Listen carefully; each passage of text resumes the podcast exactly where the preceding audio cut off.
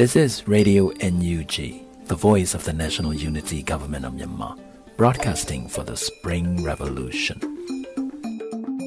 Radio NUG is transmitting from shortwave 16 meter 17.710 MHz daily at 8 a.m. and 25 meter 12 MHz at 8 p.m. Myanmar Standard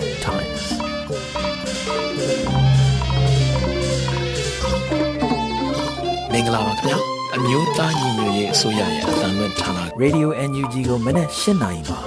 လိုင်းဒိုမီတာ16မီတာ18.87 MHz ညဘက်မှာလိုင်းဒိုမီတာ25မီတာ12 MHz တို့မှာတိုက်ရိုက်ဖမ်းယူနားဆင်နိုင်ပါပြီမင်္ဂလာအပေါင်းနဲ့ပြည့်စုံကြပါစေခုချိန်ကစပြီး Radio NUG အစီအစဉ်လေးကိုဓာတ်ရိုက်အသံလွှင့်ပေးနေပါပြီ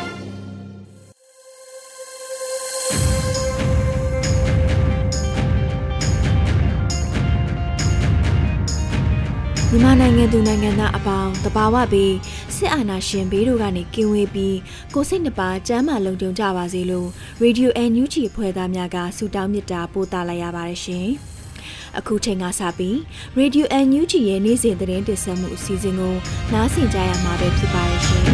။စက်တင်ဘာလ26ရက်နေ့ကပြည်တွင်းသတင်းများကိုတင်ဆက်ပေးသွားမှာပဲဖြစ်ပါတယ်။သတင်းကောင်းစဉ်တွေကတော့အင်းလေးဒေတာတွင်အခြေခံအစားအသောက်များခက်ခဲနေတဲ့သတင်းမုံကိုစစ်ဆောင်စခန်းတွင် ကိုဗစ်ကူးစက်ခံရသူ100ကျော်အထိရှိလာတဲ့သတင်းနဲ့မွန်ရွာမြို့တွင်အပြစ်မဲ့ပြည်သူများအကြောင်းမဲ့ဖမ်းဆီးခံရတဲ့သတင်းတွေကိုတင်ဆက်ပေးသွားမှာဖြစ်ပါတယ်။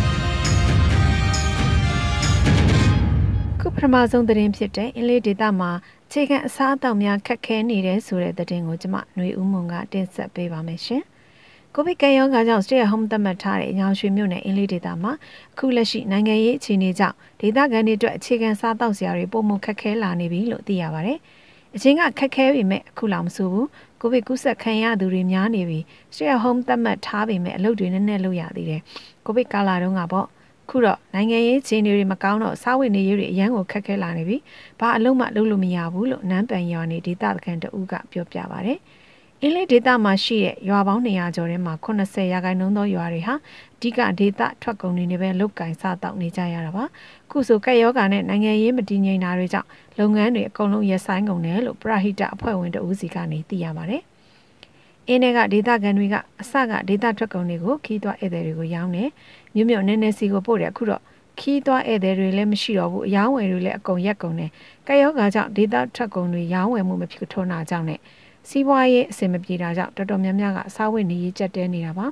ယောဂအခန့်ရှိကြသူတွေလည်းများတော့စေဝါလိုအပ်ချက်ကပိုးရှိနေတာပါလို့ ဟဲရွာရွာမဗဘဲရက်ကွက်ကပရဟိတလူငယ်အဖွဲ့မှဖွဲ့ဝင်တဦးကပြောပြပါဗျခုလိုခက်ခဲနေတဲ့ကာလကြောင့်ဟဲရရွာမချင်းရွာပပဲရက်ကွက်အခြေဆိုင်ပရဟိတလူငယ်အဖွဲ့ကိုပြီးခဲ့တဲ့ဇူလိုင်လကနေစပြီးဖွဲ့စည်းခဲ့ပြီးပြည်သူတွေရဲ့ထဲ့ဝင်လှူဒန်းထားတဲ့အလူငွေတွေနဲ့စားနပ်ရိက္ခာဆေးဝါးတွေကိုလှူဒန်းပေးနေပေမဲ့ရွာပေါင်း200ကျော်ရှိတဲ့အတွက်အကုန်လုံးထောက်ပံ့ပေးနိုင်မှုကရေရှည်ရက်တည်ဖို့အတွက်ကအဆင်မပြေနိုင်ကြောင်းသူကပြောပါတယ်။ အင်းလေးကရွာပေါင်း200လောက်ရှိတာဆိုတော့ကျွန်တော်တို့အနေနဲ့မလွှမ်းခြုံနိုင်ဘူး။လိုအပ်ချက်တွေအများကြီးရှိနေသေးတယ်။ရေရှည်ရက်တည်ဖို့လည်းမလွယ်ဘူးကျွန်တော်တို့လုပ်ပေးနိုင်တာကအ ਨੇ အချင်းပဲလို့သူကပြောပါတယ်။ပြီးခဲ့တဲ့ဇူလိုင်လ25ရက်နေ့ကစပြီး stay at home သတ်မှတ်ထားတဲ့ညောင်ရွှေမြို့နယ်မှာ COVID-19 တတိယလိုင်းကာလပြီးခဲ့တဲ့စက်တင်ဘာလ22ရက်နေ့အထိ COVID-19 ပိုးရှိသူစုစုပေါင်း2936ဦးတွေ့ရှိခဲ့ပြီးရင်းအနက်သေဆုံးသူ100ဦးနဲ့ ပိုးကင်းစင်သူ2099ဦးအထိရှိခဲ့ပါတယ်။ဟုတ်ကဲ့အခုဆက်လက်ပြီးတော့ကြန့်ရှိနေတဲ့သတင်းတွေကိုຫນွေဦးမောင်ကတင်ဆက်ပေးသွားမှာဖြစ်ပါတယ်ရှင်။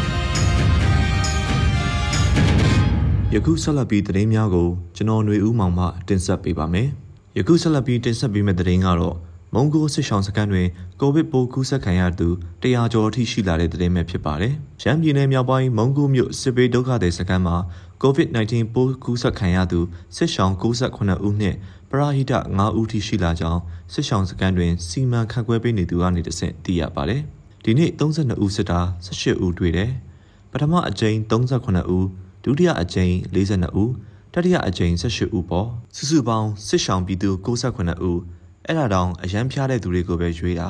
ကုသဖို့နေရာထားဖို့နေရာမရှိတော့လို့ပရိုက်တာတွေကပထမက2ဦးဒုတိယအကြိမ်2ဦး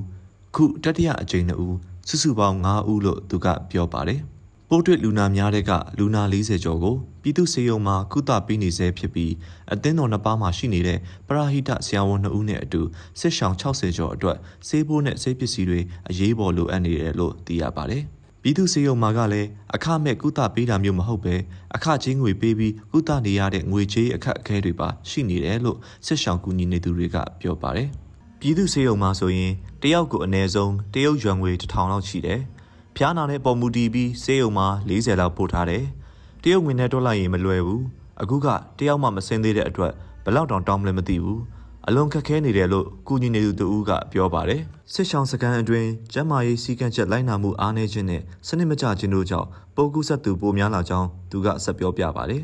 အခုလိုစစ်ဆောင်စကန်မှာယောဂကူးစက်မှုတွေများလာတဲ့အတွက်တိုက်ပွဲငြိမ်သက်ခြင်းမရှိသေးပေမဲ့မန်ကန်စုရွာရွာနောင်လျံရွာနတ်ဟာရွာတို့မှမိသားစု18စုမှနေရက်ပြန်သွားကြပြီလို့သိရပါတယ်။မုံကိုမြို့အနီးတွင်ဩဂတ်လကုန်ပိုင်းမှစတင်ပြီးယနေ့အချိန်ထိစစ်ကောင်စီနဲ့ကိုကန့် MNADD တို့အကြားတိုက်ပွဲပြင်းထန်ခဲ့တာကြောင့်အရက်သားပြည်သူ၄ဦးလက်နက်ကြီးကြီးထိမှန်သေဆုံးခဲ့ရပြီး ဒေသခံ900ကျော်မှာဩဂတ်လ29ရက်နေ့ကမုံကိုမြို့ပေါ်ဖျားကျောင်းနဲ့ဖုန်ကြီးကျောင်းစီထွက်ပြေးတိမ်းရှောင်ခဲ့ကြရပါတယ်။ဆက်လက်ပြီးမုံရွာမြို့တွင်အပြစ်မဲ့ပြည်သူများအကြောင်းမဲ့ဖမ်းဆီးခံနေရတဲ့တဲ့တင်ကိုတင်ဆက်ပေးပါမယ်။စကိုင်းတိုင်းမုံရွာမြို့တွင်ပြီးခဲ့တဲ့စက်တင်ဘာလ26ရက်နေ့ညနေ6နာရီလောက်တွင် မြို့ရင်းမုံလိုက်လေရောင်းချနေသူပြည်သူတဦးနှင့်လမ်းသွားလမ်းလာပြည်သူတဦးကံဦးကျောင်းတော်ဘက်လမ်းမှာနေထိုင်နေသူတဦးကိုစစ်တပ်ကအကြောင်းမဲ့ဖမ်းဆီးသွားတယ်လို့မျက်မြင်သက်သေတဦးရဲ့ပြောပြချက်အရသိရပါတယ်။ပြည်သူတွေကိုအကြောင်းမဲ့လိုက်ဖမ်းနေတာပါဗျာ။ကံဦးကျောင်းအနောက်မှာနေတဲ့ဦးလေးကြီးဆိုအဖွားနဲ့နှစ်ယောက်ထဲနေတာ။အဲ့ဒါကိုဝင်ဖမ်းသွားတာ။မုံလိုက်ရောင်းတဲ့အကိုဆိုရေချိုးနေရင်ဝင်ဆွဲခံရတာ။လမ်းသွားလမ်းလာနေတဲ့ပြည်သူတယောက်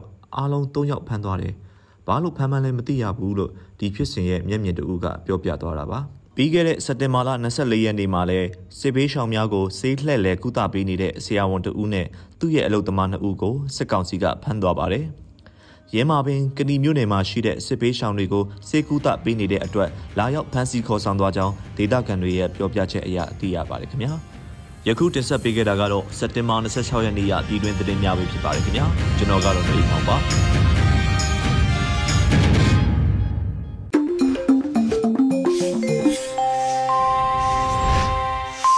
Radio NUG မှာဆက်လက်အသံလွှင့်နေပါတယ်။အခုဆက်လက်ပြီးပြည်သူတိုက်ပွဲသတင်းများကိုကိုຫນွေဦးလွင်မှတင်ဆက်ပေးမှာဖြစ်ပါတယ်ရှင်။ပထမဆုံးတင်ဆက်ပေးချင်တာကတော့ကလေး PDF ရဲ့မိုင်းဆွဲတိုက်ခိုက်မှုမှာအကြမ်းဖက်စစ်ကောင်စီစစ်သား၈ဦးသေဆုံးခဲ့ပြီးစစ်ကောင်စီတပ်များထွက်ပြေးခဲ့တဲ့သတင်းဖြစ်ပါတယ်။စကိုင်းတိုင်းဒေသကြီးကလေးမြို့နယ်မှာအရက်သုံးကားများနဲ့တွာလာနေတဲ့အကြမ်းဖက်စစ်ကောင်စီတပ်သား၈ဦးမိုင်းဆွဲတိုက်ခိုက်မှုကြောင့်သေဆုံးခဲ့တယ်လို့ကလေး PDF ကသတင်းထုတ်ပြန်ခဲ့ပါတယ်။ စက်တဘာ25နေ့လယ်12နာရီဝန်းကျင်မှာအရက်သုံးရင်ဆိုင်ကယ်၅စီးကုန်တင်ကား၄စီးအုံပြုပြီးတောင်ပိုင်းကနေကလေးမျိုးဘက်ကိုဥတီမောင်းနှင်လာတဲ့အကြမ်းဖက်စစ်ကောင်စီရင်နှန်းကိုချင်းဆိုင်ရွာအနီးယထာတန်လန်ကုန်းကျော်မှာ PDF ကလေးတပ်ဖွဲ့ဝင်များကမိုင်းဆွဲတိုက်ခိုက်ခဲ့ရမှာ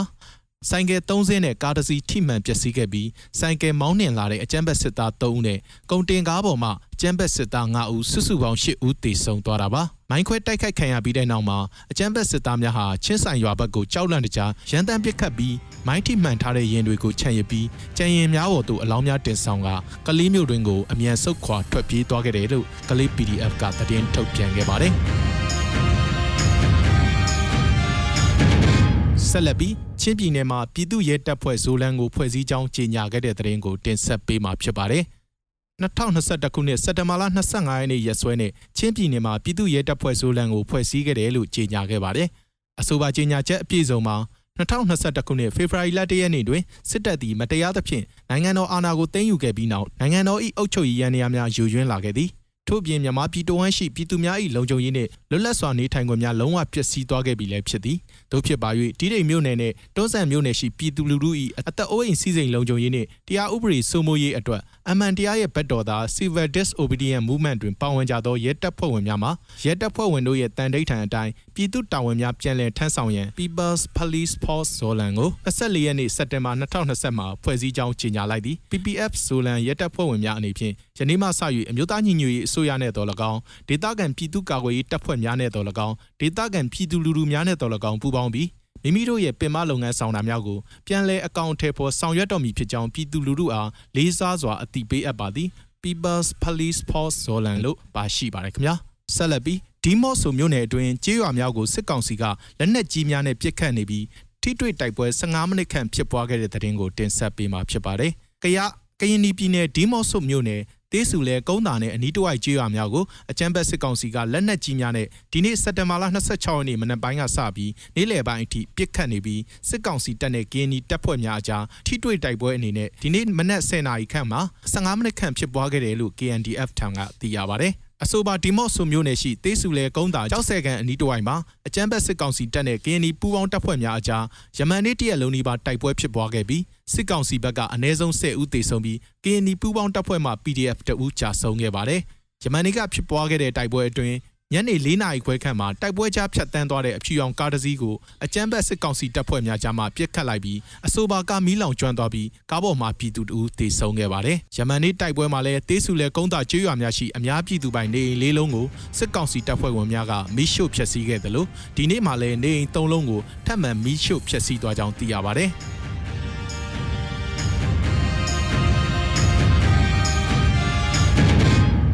နောက်ဆုံးသတင်းတစ်ပုဒ်အနေနဲ့ တထုံထုံးဖို့လေးထုံးဖို့ကြီးကြေးရွာအနီးတစ်ဝိုက်မှာစစ်ကောင်စီတပ်နဲ့ BGF တပ်မှားယွင်းပစ်ခတ်ပြီး20ဦးသေဆုံးခဲ့တဲ့သတင်းကိုတင်ဆက်ပေးမှာဖြစ်ပါတယ်။မွန်ပြည်နယ်တထုံမြို့နယ်ထုံးဖို့လေးထုံးဖို့ကြီးကြေးရွာအနီးတစ်ဝိုက်မှာစက်တဘာလ23ရက်နေ့ကအကြမ်းဖက်စစ်ကောင်စီတပ်နဲ့ကရင်နယ်ကြားဆောင်တပ် BGF တို့အချင်းချင်းမှားယွင်းပစ်ခတ်မိပြီး20ဦးသေဆုံးသွားတယ်လို့ KNU တပ်မဟာ1ထံမှသိရပါတယ်။ စစ်ကောင်စီနဲ့ BGF တို့မှားယွင်းပစ်ခတ်မှုမှာစစ်ကောင်စီတပ်က BGF တပ်ရဲ့လောက်ကင်ဆောင်ရွက်မှုတချို့ကိုမကျေနပ်လို့တမင်ပစ်ခတ်ခဲ့တာလို့လည်းဒေသခံရွာသားတချို့ကအချင်းချင်းပြောဆိုသုံးသပ်နေကြောင်းကရင်သတင်းရင်းမြစ် Salon Press မှာလည်းဖော်ပြထားပါတယ်။စက်တဘာလ23ရက်နေ့မနက်ပိုင်းမှာထုံးဖို့ကြီးထုံးဖို့လေးကျွေးရွာဝန်လမ်းမှာ KNU KNL တပ်မဟာတက်တဲ့အကြမ်းဖက်စစ်ကောင်စီတပ်ဖွဲ့ဝင်များတိုက်ပွဲဖြစ်ပွားခဲ့ပြီးစစ်ကောင်စီတပ်ဖွဲ့ဝင်များဟာဆိုင်ကယ်စီးလာတဲ့ပြည်သူတအုပ်ကိုပစ်ခတ်ခဲ့ပြီးအနီးဝန်းကျင်ရှိပြည်သူပိုင်အဆောက်အုံကိုလက်ပစ်ပုံးနဲ့ပစ်ခတ်ဖျက်ဆီးခဲ့တယ်လို့လည်းသိရပါတယ်ခင်ဗျာ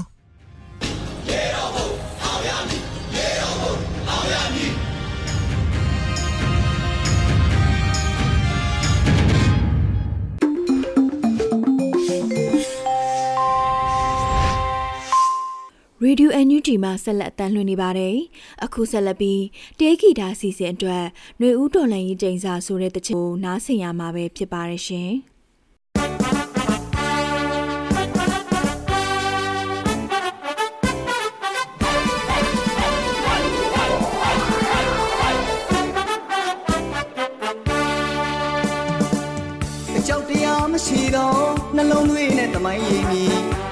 မှန်တရားဘက်ကယက်တီအာနာယူတတိုက်ကိုစူးတိုက်လိုမောင်းထုတ်တော်လမ်းမီ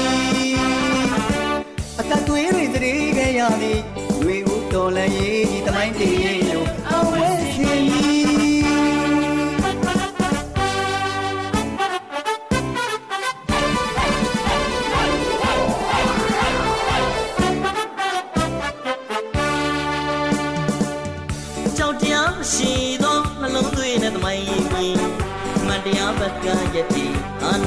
တတိုက်ကို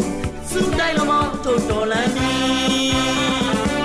အသက်သွေးတွေတရေခဲ့ရသည်ຫນွေဦးတော်လမ်းရေးဒီတမိုင်းတည်ရင်လို့အဝဲစင်မီတော်ပြည်သူတွေညီရလားဟဲ့ညီရဟဲ့ညီရဟဲ့တော်ပြည်သူတွေညီရလားဟဲ့ညီရဟဲ့ညီရဟဲ့နှခါမသေးဘူးဟဲ့ကြောက်သွေးတစ်စက်မှမပါပြီလက်နဲ့မဲပြည်သူတစ်တိုက်ကိုမိမဲရိုက်နေ ရိုက်နေညီမမရဲပွေးပြန်ဝစ်လေရမည်ပြည်သူချင်းစာတန်တရားဆက်ဆက်စုနေတွေဦးတော်လည်းရည်နဲ့တက်လန်လို့ဆုံးလမ်းပေါ်မှာထေးကြော်တဲ့ညစီ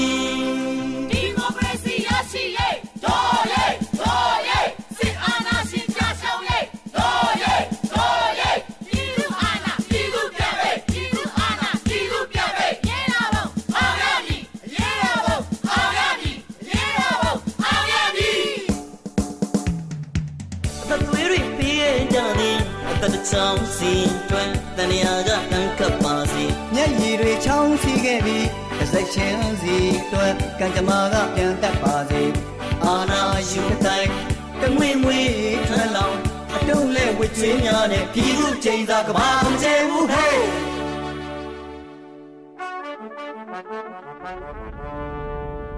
ဟိုစစ်အာဏာရှင်သင်တို့ဟာငါတို့ပြည်သူတွေရဲ့ ခေါင်းဆောင်တွေကိုမတရားသောနည်းနဲ့ဖမ်းဆီးထိမ့်သိမ်းထားရုံများမကငါတို့ပြည်သူတွေရဲ့မျှော်လင့်ချက်အနာဂတ်တွေကိုပါရိုက်ချို့ဖျက်ဆီးပစ်တဲ့တမိုင်းရဲ့တရားခံဖြစ်ပေတယ်ငင်းချမ်းစွာဆန္ဒပြနေတဲ့ပြည်သူတွေကိုလည်းလက်နက်အားကိုးပြီးအနံကျင့်နှိပ်စက်ညှဉ်းပန်းခဲ့လို့အပြစ်မဲ့တဲ့ပြည်သူအချို့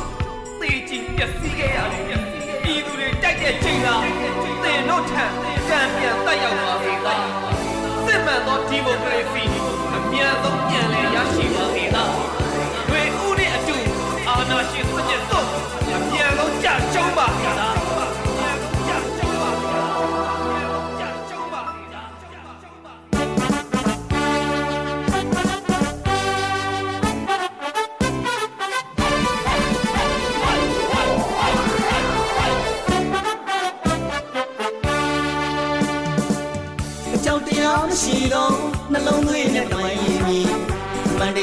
က်ကရဲ့ဒီအာနာယူတတိုက်ကိုစူတိုင်းလုံးမောင်းထုတ်တော်လည်းမီအသက်သွေးတွေသတရင်ခဲ့ရပြီတွေမှုတော်လည်းရေးဒီတမိုင်းတည်ရဲ့တော့အောင်ဝဲစီမီတို့ပြည်သူတွေညီရလားဟဲ့ညီရဟဲ့ညီရဟဲ့တို့ပြည်သူတွေညီရလားဟဲ့ညီရဟဲ့ညီရဟဲ့နှခမရေဘူးဟဲ့ကြောက်သွေးစက်မမပါပြီလက်နက်နဲ့ပြည်သူတ စ်တိုက်ကိုမိမဲစရိုက်နဲ့ရိုက်နေမှမရဲပွေးတွေပြန်ဝစ်လေရမည်ပြည်သူချိန်ကတန်တရားဆက်ဆက်စုနေတွေဝတော်လည်းရဲ့လက်လန်းလို့ဆိုလမ်းပေါ်မှာကြွေးကြော်တဲ့ညစီ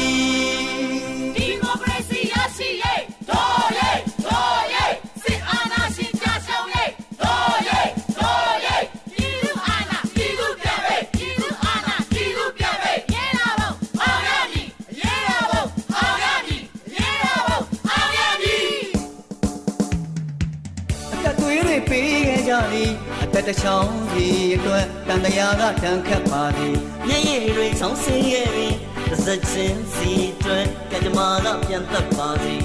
အာနာယူတဲ့တိုင်းတမွေမွေသွမ်းတော်အတုံးနဲ့ဝေကျွေးများနဲ့ပြည်သူချိန်သာကဘာမချေဘူးဟဲ့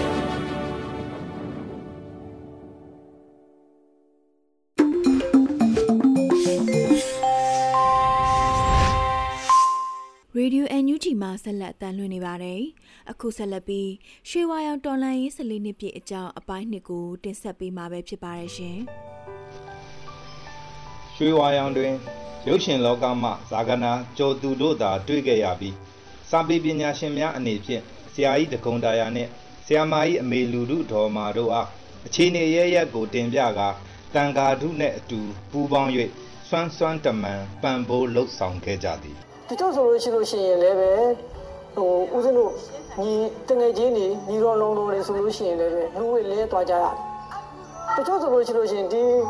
ကိုရင်လေးတွေဆိုလို့ရှိရင်လည်းပဲသူတို့အဲ့လိုနေစရာမရှိတော့တဲ့အတွက်ကြောင့်သူတို့လူထွက်သွားကြရတယ်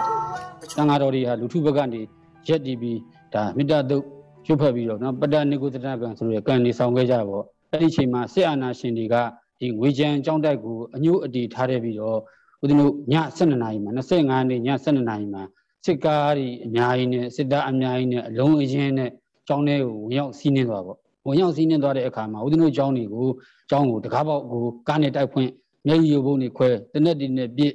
ဒီလိုမျိုးတွေနဲ့ရိုက်ပုတ်ပြီးတော့ဖမ်းမိတဲ့တန်ဃာတွေဆိုလို့ရှိရင်လက်ပြန်ကျိုးတုတ်ကတ္တရာလမ်းပေါ်ဒုထုသွားခိုင်းနောက်က6နှစ်ကန်ကားပေါ်မှာပြစ်တင်ပြီးတော့ဒါဦးဇင်းတို့စစ်ကြောရေးရုံးဌာနအသီးသီးကိုပို့ပြီးတော့စစ်ကြောရေးတွေစစ်ပြီးဦးဇင်းတို့ ထောင်တွေအသီးသီးကြခံခဲ့ရပါတယ်ပေါ့သွေးတွေယိုစီးကြနေတဲ့တန်ဃာတော်တွေရဲ့မျက်နှာတော်တွေဝေကြရန်ကြောင်းတိုက်ပေါ်ကအဖြက်စီးခံခဲ့ရတဲ့ဖျားကန်းတွေသွေးစွန်းနေတဲ့အုတ်ခဲကြိုးတွေဖနက်တွေတင်ကန်းကိုဆွဲချွတ်ပြီးဒူးထောက်ထားတဲ့ယဟန်တစ်ပါးကိုစစ်ဖက်နဲ့နဲ့ကန်ကြောက်ရိုက်နှက်ခဲ့တာတွေဟာကမ္ဘာသမိုင်းမှာရောမြမသမိုင်းမှာပါဘယ်တော့မှဖြောက်ဖြက်လို့မရနိုင်တဲ့ စစ်အာဏာရှင်ရဲ့အကြီးတန်းသမိုင်းတွေပဲဖြစ်ပါတယ်ခုတ်ကူမျိုးမှာဖြစ်သွားတဲ့အဲတန်ဃာတွေအရိုက်ခံရတယ်ဓာတ်တိုင်ပြုတ်တော့ရိုက်ခံတဲ့ကိစ္စကြောင့်အဲ့မှာအဲကျွန်တော်တို့မြေရောက်တန်ခါအဖွဲ့အစည်းတွေစူပေါင်းပြီးတော့တခြားအဖွဲ့တွေရောပေါ့ကျွန်တော်တို့ဖွဲ့စည်းတဲ့အဖွဲ့တွေလည်းမဟုတ်ဘူးအဲအဲတန်ခါတမကီလို့အဲမိတ်ဆွေမိတ်ဆွေကောင်စာကြည့်လိုက်တော့အဲ့ဒါတွေတော့စူပေါင်းပြီးတော့ဖွဲ့ပြီးတော့မြန်မာနိုင်ငံလုံးစာတန်ခါတပ်ပေါင်းစုကို9ရက်9လ2009မှာဖွဲ့စည်းတယ်ဖွဲ့စည်းပြီးတော့ အာအဆင့်ဆင့်ကျွန်တော်တို့ဆက်လက်ပြီးတော့အဲ2009ရှိုးရောက်တော့နိုင်ရုပ်ဖော်ဆောင်2009ခုနှစ်ကရက်ဆက်ရုံမှာရိုင်းဆိုင်ခဲ့တယ်လို့မျိုးပဲလူဦးတော်လည်းရေးမှာလဲစစ်အာဏာရှင်နဲ့သူ့စစ်တပ်ဟာမပြောင်းလဲခဲ့ပါဘူး။ပိုလို့တောင်စိုးရွာကြမ်းတမ်းစွာရဟန်းရှင်လူပြည်သူလူထုအားလုံးကိုဖိနှိပ်ရက်ဆက်နေတော့ပါပဲ။သို့တော်လဲ မြမတန်ဃာတို့အကြားမှာတော့2009ရွှေဝါရောင်တော်လန်ရေးနဲ့မတူတော့ပဲပြောင်းလဲမှုကြီးတစ်ခုကခိုင်ခန့်ကြီးမားစွာရှိနေပါပြီ2009ရွှေဝါရောင်တော်လန်ရေးနဲ့အတူကဘာနဲ့ချီပြီးကြီးမားလာတဲ့မြမယဟန်တော်များရဲ့အကြမ်းမဖက်တဲ့ပုံရိပ်နဲ့ညီညွတ်မှုကြီးကိုစစ်အာဏာရှင်များကစနစ်တကျတိဆောက်ဖျက်ဆီးပါတော့တယ်2008နာဂစ်ဖွဲ့စည်းပုံကြီးနဲ့အတူ 2010ရွေးကောက်ပွဲအတုနဲ့တက်လာတဲ့သိန်းစိန်အစိုးရလက်ထက်2013ခုနှစ်ကစလို့ရခိုင်ပြည်မှာဘာသာရေးပြိပခမီးတွေနဲ့အတူဥဝီရသူကိုပါ669မဘာတာအဖွဲ့ကြီးအဖြစ်ဒီထောင်ပေးပြီးတန်ဃာတူအကြားမှာသွေးခွဲလာပါတော့တယ်။ရဟန်းငယ်များကိုအမျိုးဘာသာမှိုင်းတဲ့အတူမျိုးစုံထောက်ပံ့မြောက်စားကအစွန်းရောက်တွေအဖြစ် ဥဝီရသူနဲ့အတူပွဲထုတ်ပေးခဲ့ပါတယ်။ဒါကြောင့်ချက်ချင်းဆိုသလိုကဘာမှာမြမယဟန်တော်များရဲ့အရှိန်ကကြီးမားခဲ့တဲ့ပုံရိပ်ဟာကြောင်းပြန်ဖြစ်ပြီးအကျန်းဖက်အစွန်းရောက်ဗုဒ္ဓဘာသာယဟန်များအဖြစ်ကြော်ကြားလာခဲ့ရပါတော့တယ်။ရှင်စီကိန်အပါဝင်အင်းစိန်ရွာမှအစုပ်ဩဇာကြီးဘုန်းကြီးတွေကိုပါစစ်အာဏာရှင်တွေကလက်သက်မွေးပြီးဆရာစင်ဆက် ပုဂ္ဂိုလ်ဆွဲကြီးလာတဲ့တန်ဃာတော်များအကြားဘလို့မှနိုင်ငံရေးအရညီညွတ်မှုအားမရှိတော့အောင်တန်ဃာကိုတင်းခွဲခဲ့ကြပါတော့တယ်2021လိုတနိုင်ငံလုံးအနှက်ကြည်ဆက်လူငယ်များကဥဆောင်ပြီးလဲနေလေအောင်မြင်းဆောင်ပါမကြံလမ်းမပေါ်တိုက်ပွဲဝင်နေကြတဲ့ຫນွေဦးတော်လန်ရေးမှာ2000တုန်းကလို လမ်းမအပြစ်ပြည်သူဘက်ကကြွချီတော်မူကြတဲ့ယဟန်တန်ဃာတော်များကိုလုံးဝမမြင်တွေ့ရတော့ပါအရင်ရွှေဝါရောင်ဥဆောင်တန်ဃာတော်တချို့နဲ့ဒီမိုကရေစီအရေးကိုလိုလားသူယဟန်တော်များရဲ့အင်အားဟာ2000ခုတုန်းကတက်ဆိုင် အများကြီးရော့နေသွားတာဟာထင်ရှားလှပါတယ်။သို့တော်လည်းပဲຫນွေဦးတော်လှန်ရေးမှာပြည်သူကရွေးချယ်လိုက်တဲ့လက်နက်ကင်တော်လှန်ရေးလမ်းစဉ်ကိုလူဝက်လဲပြီး ရှောင်လန်းနေကြတဲ့တန်ဃာတော်များ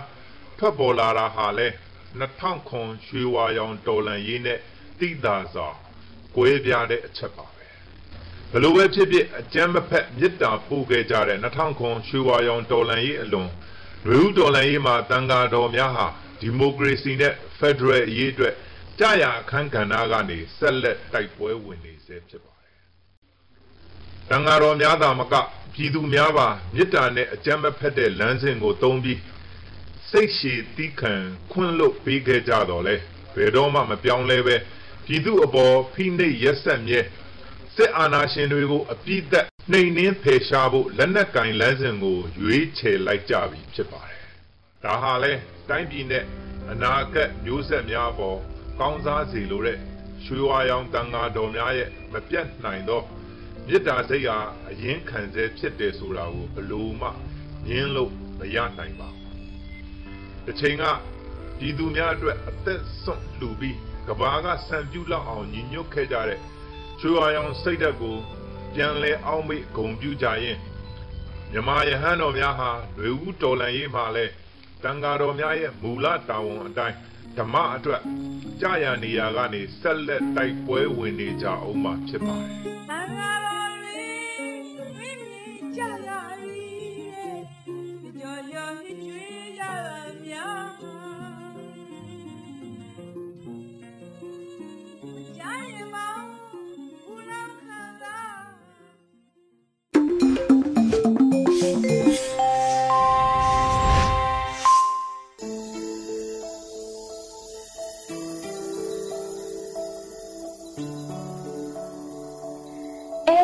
မြေမှာရှိတယ်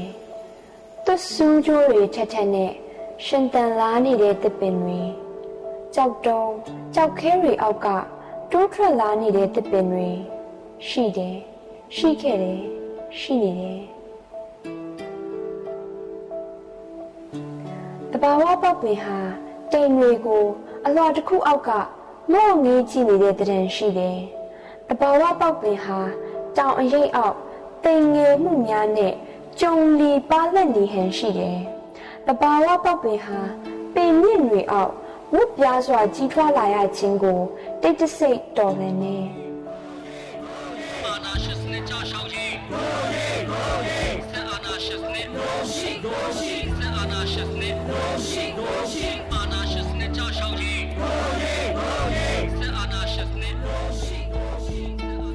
အဲ့ဒီမြေမှာရှိတယ် တဘာဝပေါက်ပင်မှာစုံကြိုတင်းကြက်ကြက်ကြားတိုးထွက်ရှင်တန်လာရတဲ့ဒဏ်ရာဒဏ်ချက်တွေရှိတယ်တဘာဝပေါက်ပင်မှာရေအစားသွေးကိုတောက်သုံးခဲ့ရချိန်တွေရှိတယ်တဘာဝပေါက်ပင်မှာမျက်စစ်မီပြက်နေတဲ့ပဒင်းတကားတွေမနိုင်မနှင်းဖူးပွင့်နေတဘာဝပေါက်ပင်မှာတောက်ခတ်ခံချရတဲ့ပါဇက်တွေအလင်းကျတီးခဲ့ဘူးတယ်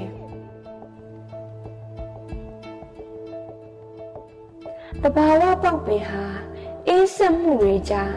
ကောက်ခုံရခြင်းသာတဘာဝဖြစ်လာခဲ့ရင်လည်းပဲနေချီနုနုကိုမျောတယ်ဖန်စီထားတော့ခေါင်းဆောင်များဆက်ချလို့ဆက်ချလို့ဖန်စီထားတော့ပြည်သူများဆက်ချလို့ဆက်ချလို့ဖန်စီထားတော့ခေါင်းဆောင်များဆက်ချလို့ဆက်ချလို့ဖန်စီထားတော့ပြည်သူများဆက်ချလို့ဆက်ချလို့ဒီတင်းစကားတွေမှာအမှောင်မလန်းစေဖို့ တဘာဝရဲ့လက်နယ်လက်ပန်းတွေဟာအလင်းပဲတောက်ခလောက်များစွာဖွင့်ဖို့မိုးကြိုးသွားဟာတော့ချောင်းပဲဒူဝန်ဂျယ်ရီတီးပွင့်လာတော့မဲ့အချိန်ဟာအိမ်မက်ပဲတိမ်မဲ့တွေစီချီတိုးထွက်ရင်လာကွေးကွေးကိုလက်ဆွဲနှုတ်ဆက်နိုင်ဖို့လဲအခွင့်ရှိတယ်ခွင့်ရှိတယ်ကိုရေကိုရေစစ်အာဏာရှင်နဲ့ဒိုရှိဒိုရှိပြည်သူအာဏာပြည်သူတဲ့ပြည်သူအာဏာပြည်သူတဲ့အာဏာ ရှင်နဲ့ကြောက်ရှုံးရေးကိုရေကိုရေစစ်အာဏာရှင်နဲ့ဒိုရှိဒိုရှိပြည်သူအာဏာပြည်သူတဲ့ပြည်သူအာဏာအမြင့်တွေရဲ့တမန်မှုကိုလေလူတွေဖန်းဆောင်ရင်အခက်အခဲများစွာပြုလုပ်ရုံထားကြအမြင့်တွေရဲ့တမန်မှုကိုညီလူတွေထိုးသွင်းကုတ်တွေရင်မပြိုမလွန်ရည်တည်မြင့်မာကြဆမ်းများကျွင်းကရုံးကြောင်းမှုဟာကဘာမြေရဲ့ခွန်အားဖြစ်တယ်။မြေပေါ်မြေအောင်ချစ်ခြင်းအားဖြင့်တိတ်တဆိတ်ပွားများခြင်းဟာ ပထမခြေလှမ်းဖြစ်တယ်။တလို့နဲ့တဘာဝပောက်ပင်ပြူဟာအပေါင်းဖော်များနဲ့ရှင်တန်လာနေတယ်။ကြီးထွားလာနေတယ်။တန်မာမြင့်မာလာနေတယ်။တပင်ကအစပြုတယ်။နှစ်ပင်မှသုံးပင်၄၅၆ပင်တောတုံးမှတောပေါင်းများစွာတစားစားအားကောင်းစွာကျွန်တော်တို့မှာလာခဲ့ရှိတယ်ကျွန်တော်တို့ကကြောင်းသားတွေမှာကြောင်းသားတွေမှာလာခဲ့ရှိတယ်ကျွန်တော်တို့ကဝန်ထ မ်းတွေမှာဝန်ထမ်းတွေမှာလာခဲ့ရှိတယ်ကျွန်တော်တို့ကပြည်သူတွေမှာပြည်သူတွေမှာလာခဲ့ရှိတယ်ငါတို့တမတာငါတို့တပည့်ပြည်သူအာဏာပြည်သူတပည့်ပြည်သူအာဏာပြည်သူတပည့်ပြည်သူအာဏာအဲ့ဒီမြေမှာရှိတယ်ကျွန်တော်မှာအိမ်မက်တစ်ခုရှိတယ်ဆိုတဲ့အတန်ဟာအနာဂတ်ပဲတေးကြတယ်တဘာဝပောက်ပင်တွေမှာအိမ်မက်တစ်ခုစီရှိတယ်။အဲ့ဒီမြေမှာရှိတယ်။အဲ့ဒီမြေမှာရှိတယ်ရှိတယ် ဒီကနေ့တော့ဒီညနဲ့ပဲ Radio NUG အစီအစဉ်လေးကိုကိတ္တရန်နာလိုက်ပါမယ်မြမစံတော်ချိန်မနေ့၈နာရီညနေ၈နာရီတို့မှာပြန်လည်တွေ့ဆုံကြပါစို့ Radio NUG ကိုမနေ့၈နာရီမှာ flight meter 16 meter 19.87 MHz ညဘက်မှာ flight meter 25 meter 12 MHz တို့မှာတိုက်ရိုက်ဖမ်းယူနားဆင်နိုင်ပါပြီမြန်မာနိုင်ငံသူနိုင်ငံသားများ ကိုစိတ်နှပြချမ်းမာချမ်းသာလို့ဘေးကင်းလုံခြုံကြပါစေလို့ Radio NUG အဖွဲ့သူအဖွဲ့သားများဆုတောင်းပေးလိုက်ပါတယ်အမျိုးသားညီညွတ်ရေးအစိုးရရဲ့ဆက်သွယ်ရေးသတင်းအချက်အလက်နဲ့ဤပညာဝန်ကြီးဌာနကထုတ်လွှင့်နေတဲ့ Radio NUG ဖြစ်ပါတယ်။ San Francisco Bay Area ခြေဆိုင်မြန်မာမိသားစုများနဲ့နိုင်ငံတကာကစေတနာရှင်များလုံအားပေးများရဲ့ Radio NUG ဖြစ်ပါတယ်။အရေးတော်ပုံအောင်ရမည်